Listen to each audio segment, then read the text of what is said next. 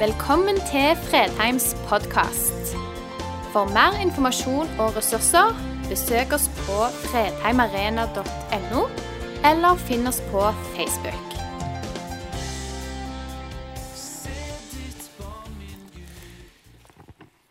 God søndag. Flott å eh, se dere og få feire gudstjeneste sammen med dere på Fredheim Arena. eh, Og få eh, komme hit på besøk.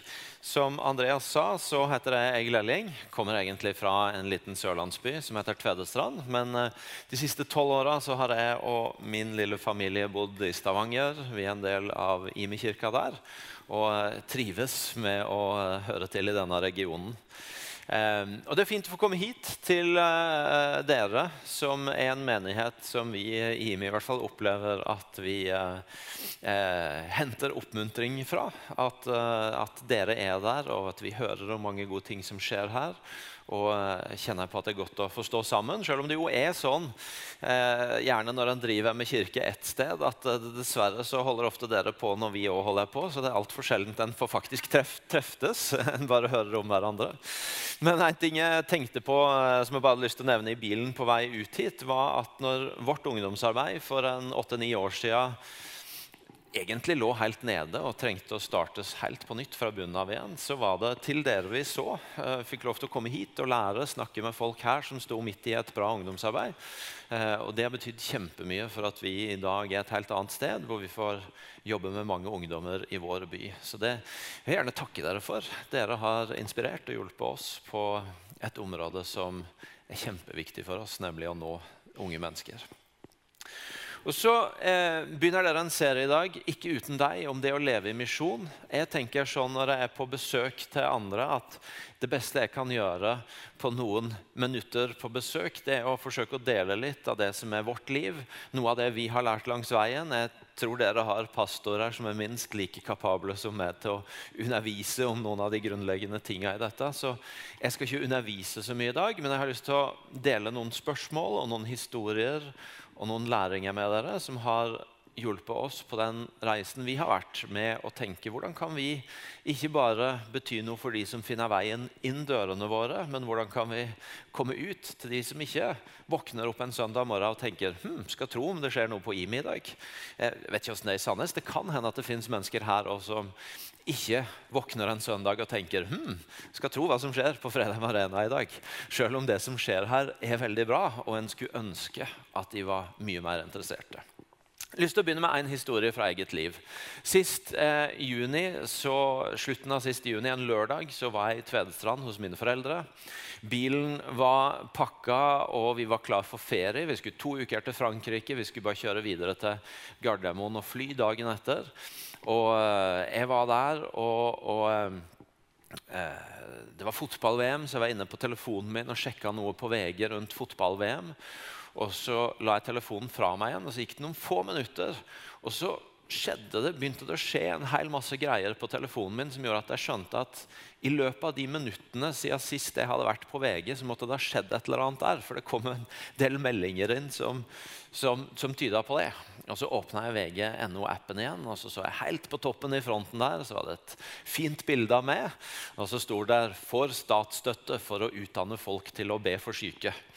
Eh, det, det, var en, jeg vet ikke om dere husker det, men det var en sak hvor VG ettergikk noen eh, predikanter som ber for helbredelse. Og så hadde de funnet at vi på vår bibelskole hadde en linje om det med å be for syke, som kalles helbredelsesskolen.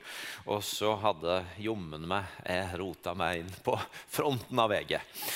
Eh, og jeg, jeg forteller ikke den historien for egentlig å ta dere inn i hele diskusjonen rundt det med bønn for syke og helbredelse, og sånn, men fordi at den opplevelsen av å plutselig være på fronten av VG det var litt sånn når jeg så på hvor fort det bare tikka inn på melding etter melding etter melding, så var det litt sånn jeg skjønte at dette er nesten som sånn Sivilforsvaret uler ut en eller annen melding på alle høyttalere. Det føltes som alle ser det når du er på toppen av VG sin side.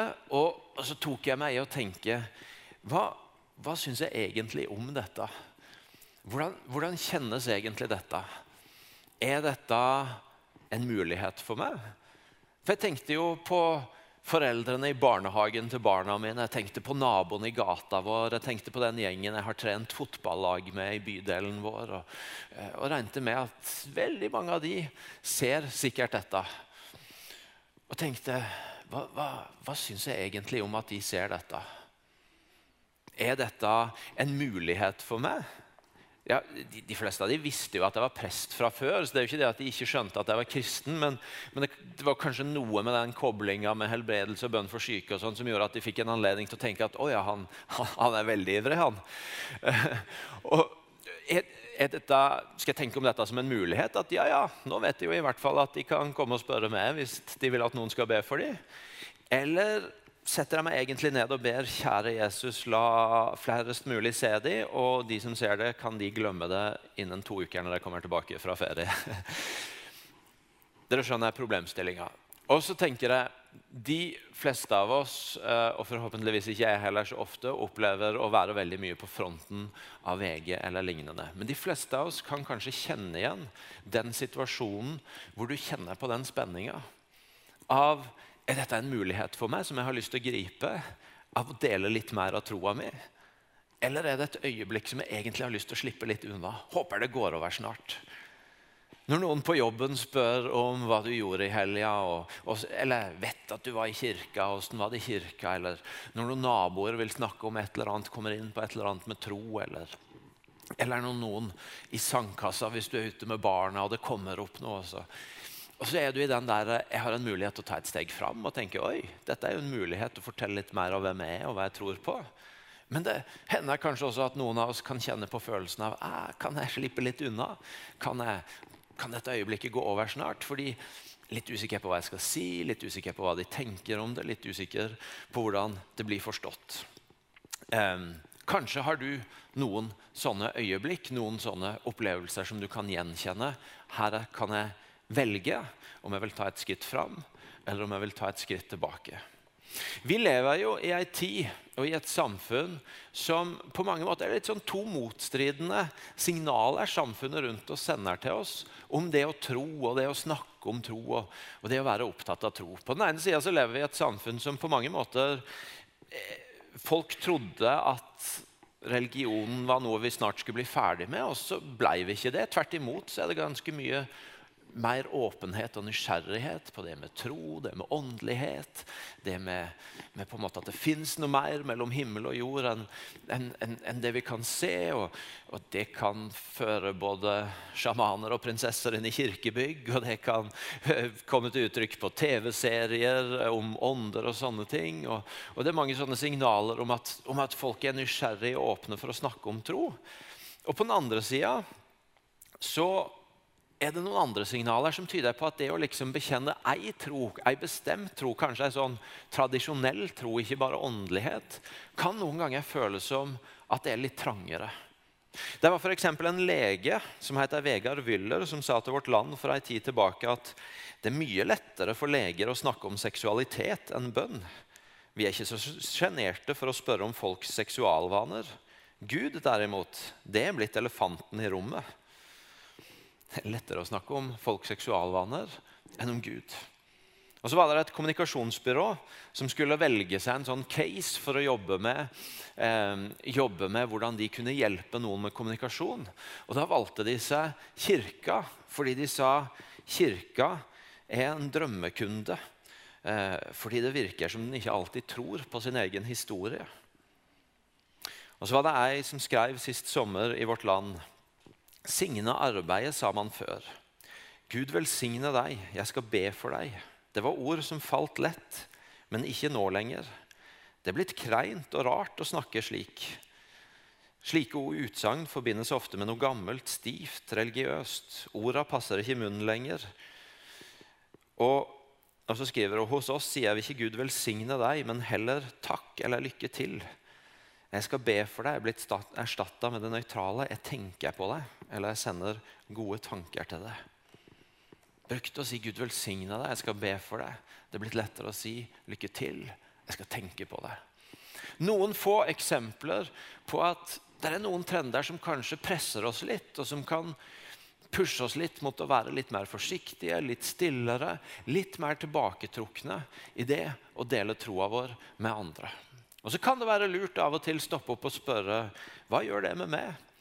Hva gjør det med min frimodighet på å bare leve åpent med det jeg tror på, til menneskene rundt meg, de jeg møter på jobb, i nabolag, på skole, når jeg henter eller bringer i barnehagen osv. Hvordan, hvordan påvirker disse signalene rundt meg og min tanke om at jeg kan leve åpent og frimodig med det jeg tror på. Og så er det sånn at Under disse trendene her så er det også en annen historie en kan høre. En annen historie som, som du kanskje ikke oppdager med en gang i alt du leser og ser, men som allikevel popper opp innimellom. Vi skal få se et lite videoklipp av en kar som mange vil vite hvem er. Han heter Petter Stordalen, som var på Skavlan for nå er det en tid tilbake, og som jeg syns er veldig interessant i den forbindelse. Ta, en, eh, ta Hør på hva finansmannen Petter Stordalen sier. Du sier at du er eh, som du går, frem. Du er, du er, sammensatt på mange måter. Eh, og, du er, eh, du sier at du er eh, agnostiker, og så snakker du samtidig mye om tro og håp. Hender det at du ber?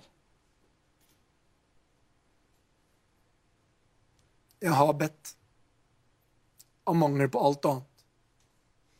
Og det fins Men det mye finere, syns jeg, er Jeg fikk enormt mange mailer fra menigheter i Norge og Sverige som ba for Gunhild. Noen ba sågar for oss. Så leste jeg noen av de for Gunhild hun var veldig syk. Og så sa jeg bare Jeg syns bare det er ufattelig fint.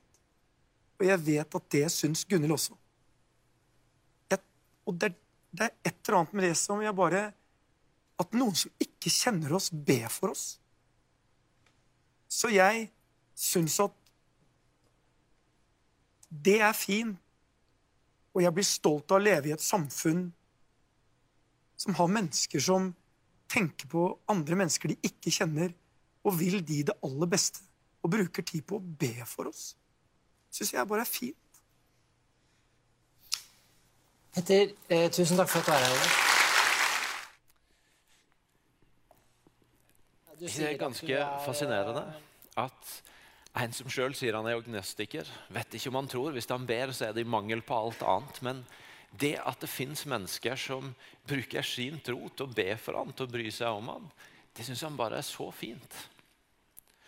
Kan det være at folk rundt oss i større grad enn vi noen ganger tenker, opplever at det at vi lever åpent med vår tro, at vi lar den flyte ut til andre på måter som velsigner de, som oppmuntrer de, som viser at vi ønsker å la det gode vi har møtt, få berøre deres liv også. At det faktisk er noe som oppleves som godt. Et annet spørsmål jeg har lyst til å bare la dere tygge på utover søndagen i dag, hvis dere vil, er dette. Hvilken historie er det vi forteller oss sjøl om hva troa vår kan bety for andre?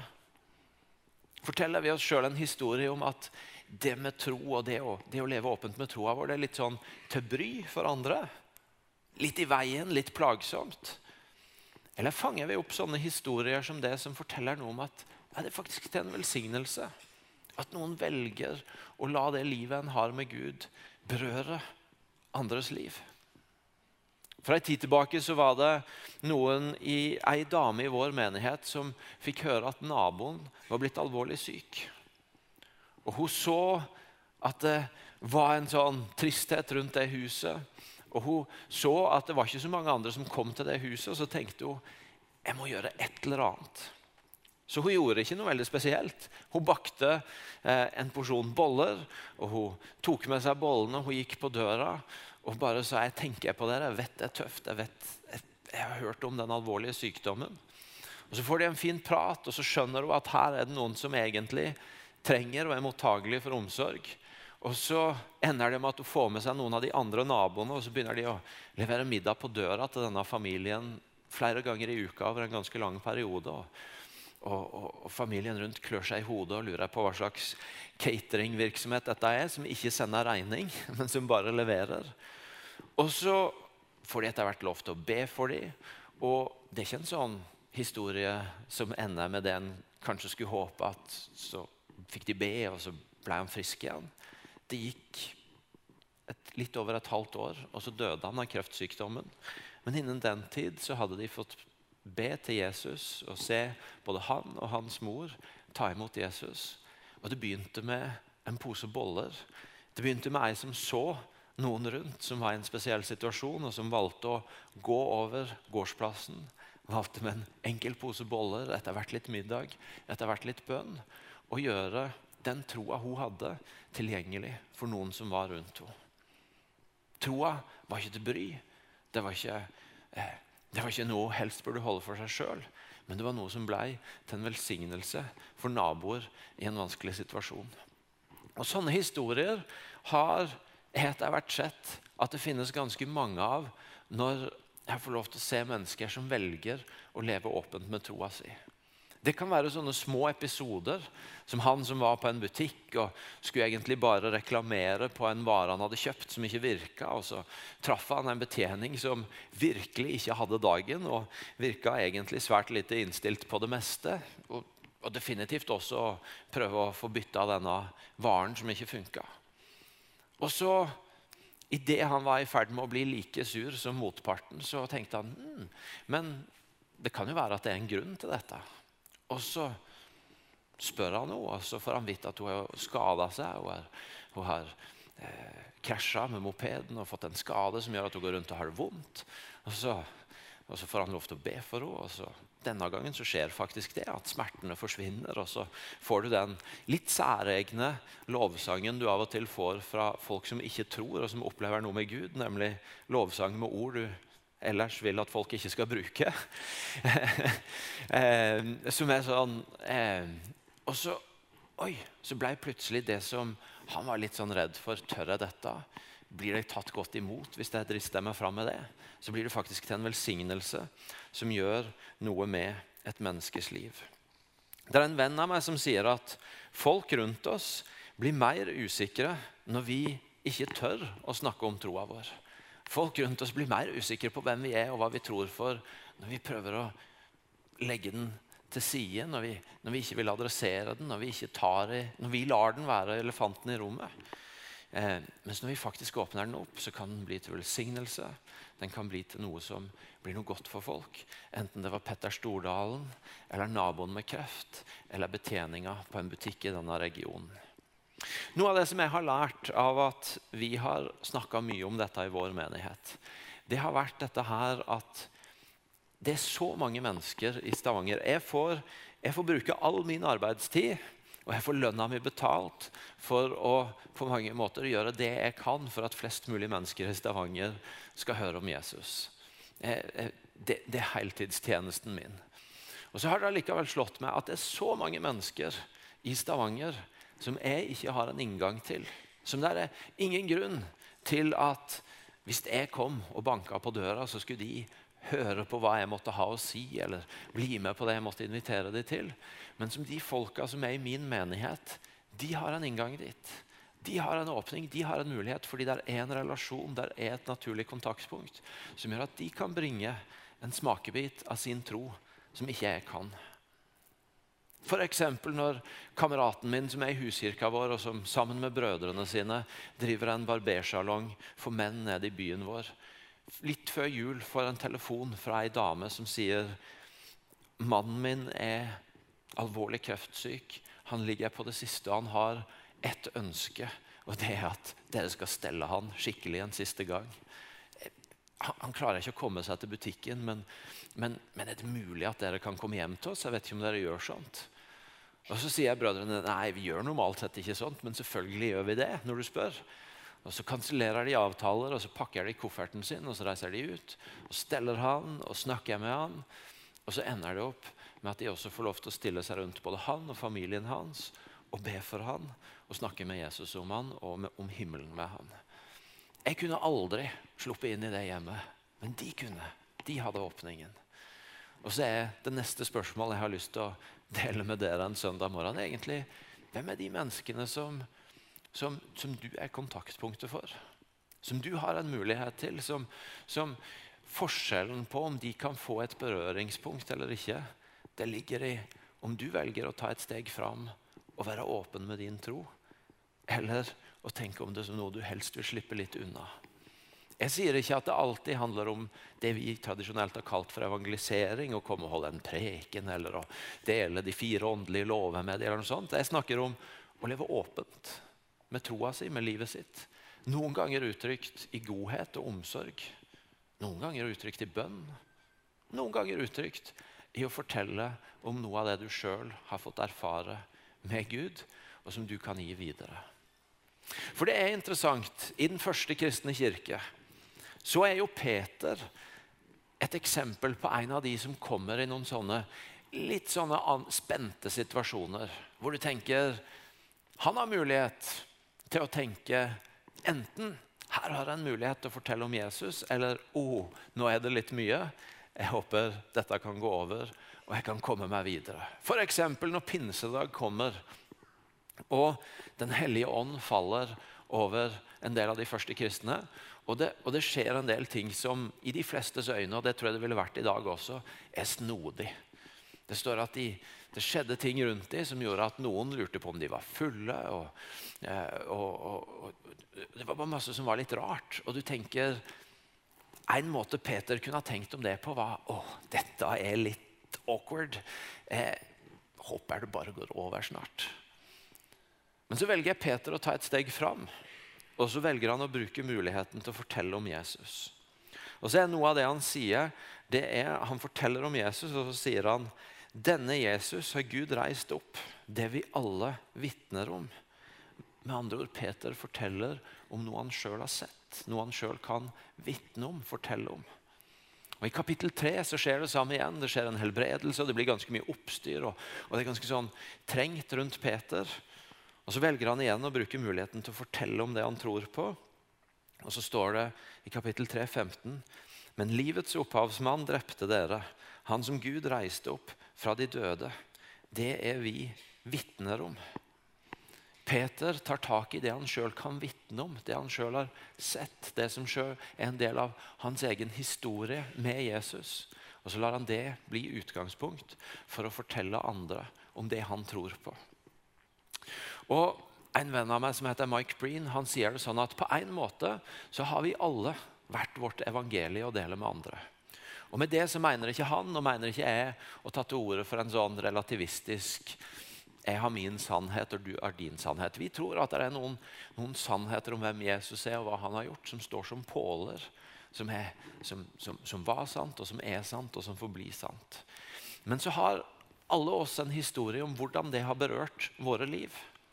Hva det har gjort i våre liv, hvordan det har kommet nær oss på en sånn måte at, at, at hvis vi forteller den historien, så forteller vi på mange måter evangeliet etter Egil Elling eller etter Andreas eller etter en av dere andre. Måten evangeliet har fått berøre våre liv på. Og Det tror jeg er en av de tingene som kan være ganske spennende for mange av oss å tenke litt på. Hva er min historie med Gud som er enkelt kan formidle videre til andre. Som kanskje ikke er åpen for å høre en lengre preken eller la meg lede de gjennom en traktat om, om, om på en måte mange åndelige sannheter, men som, men som, er åpne for å få tak i mitt liv. Og som er åpne for å høre noe av det troa har gjort i mitt liv. I Salme 103 så står der, så sier salmisten Glem ikke alle hans velgjerninger. Eller glem ikke alt det gode han gjør. Og Det tenker jeg, det er ei setning som en, gir en fantastisk mulighet for oss til å tenke over hva er det gode Gud har gjort i mitt liv, som jeg har å formidle videre til andre. Glem ikke, sier salmisten. Jeg tror at det er så lett for ganske mange av oss å glemme en del av de tingene som ligger bak oss. fordi at veldig mange av oss vi er opptatt av det som ligger foran oss, eller det vi står i nå. Og så kan det hende at, at det var noe som berørte livet vårt for et, et halvt år siden, eller ett år siden, eller lenge siden. Som, som, på mange måter Det var da, og det var bra da, men, men nå er jeg opptatt med det jeg har foran meg her og nå. Jeg er pastor i en menighet, og ganske jevnlig så kommer noen til meg og spør ja, går alt bra i IMI for tida. da? Og, og da svarer jeg alltid nei.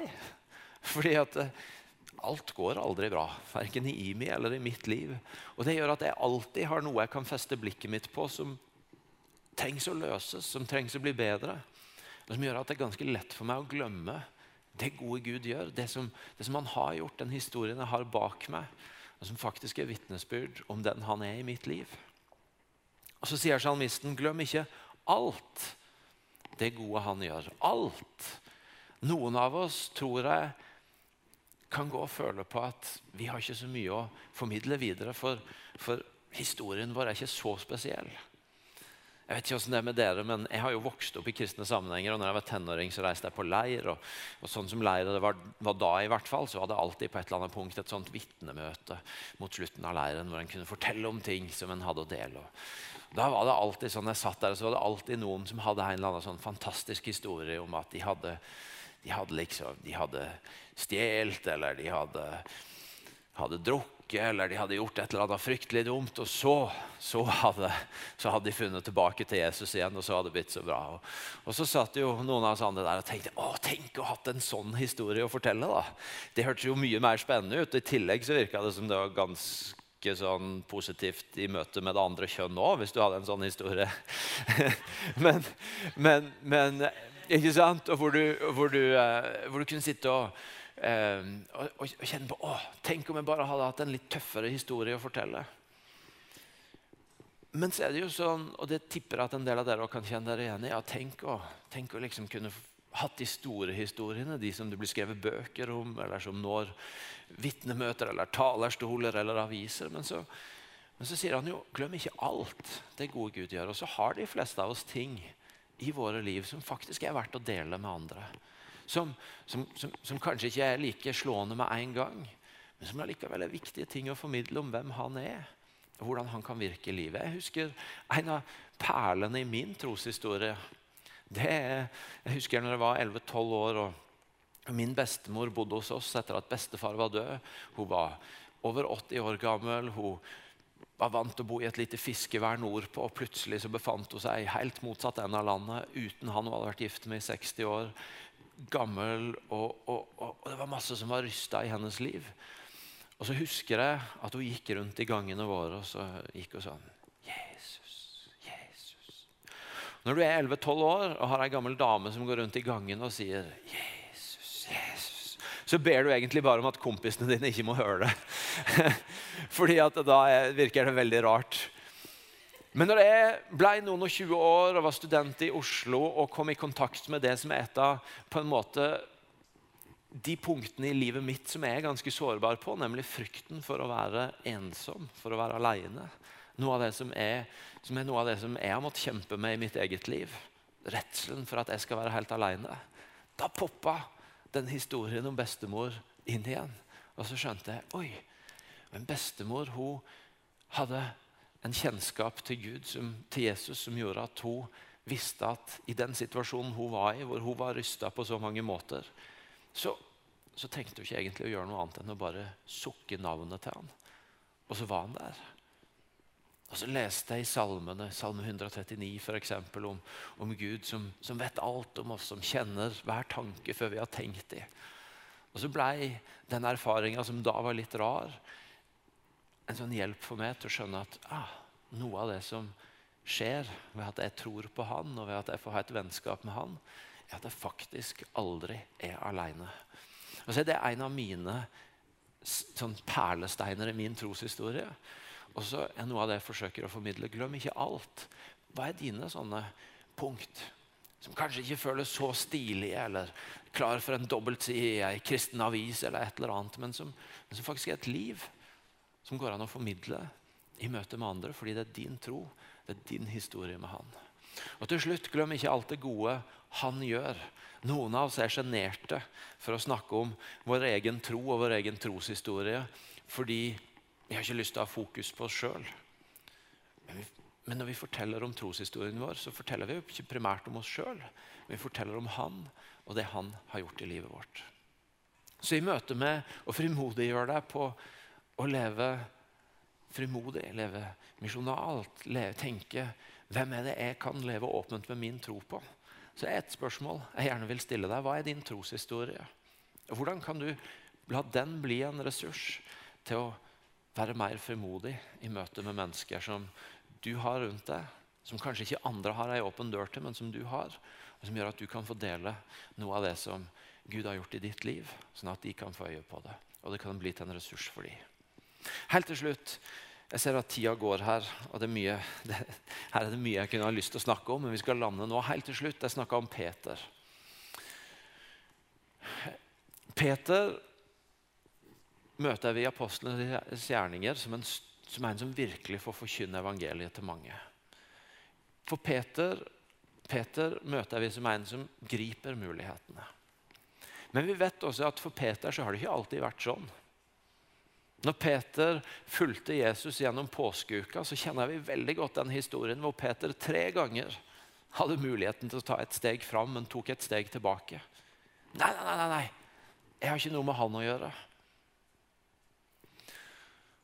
Og så vet vi at når Jesus er stått opp, og de møtes nede ved sjøen, når Peter antagelig kjenner på ganske mye skam over at han var den som fornekta, over at han var den som ikke sto tydelig fram med troa si og tilhørigheten sin til Jesus, så får Peter og Jesus dette møtepunktet hvor Peter like mange ganger som han hadde fornekta, får mulighet til å si ja, men du vet jo at jeg elsker deg, Jesus. Og så får han igjen høre det som er kallet over livet hans, nemlig fø mine lam. Du skal, du skal være den jeg bygger min kirke på. Å snakke om et tema som det vi gjør i dag, og som dere skal gjøre i flere uker framover, er å snakke om et tema som veldig lett kan få en del av oss til å føle oss litt skamfulle. Fordi at vi ikke føler vi får det helt til. Vi skulle ønske vi delte troa vår med flere. Vi skulle ønske vi levde mer misjonalt i hverdagen også. Og så, og så det liksom ah, får det ikke helt til. Jeg møter ingen steder i Bibelen hvor Jesus bruker skam som et virkemiddel for å oppnå noe. Ingen steder bruker Jesus skam som en virkemiddel for å oppnå noe. Og jeg er helt sikker på at det er heller ikke hans ønske for ditt liv når dere i disse ukene skal snakke om å dele og leve et trosliv som berører andre. Men jeg tror at akkurat som Peter så får vi nye muligheter til å si OK, Jesus, men det som har vært, det har vært. De mulighetene jeg ikke greip, de, de er historien. Men kjære Jesus, kan du, kan du vise meg hvilke muligheter som ligger foran meg? Kan du åpne opp for meg den troshistorien, det livet jeg bærer, på en sånn måte at i det som ligger foran, så har jeg lyst til å gripe flere av mulighetene. Og jeg har lyst til å være mer forberedt på hva jeg bærer, på hva som er min tro, hva som er min troshistorie, sånn at jeg kan få bli til velsignelse for andre.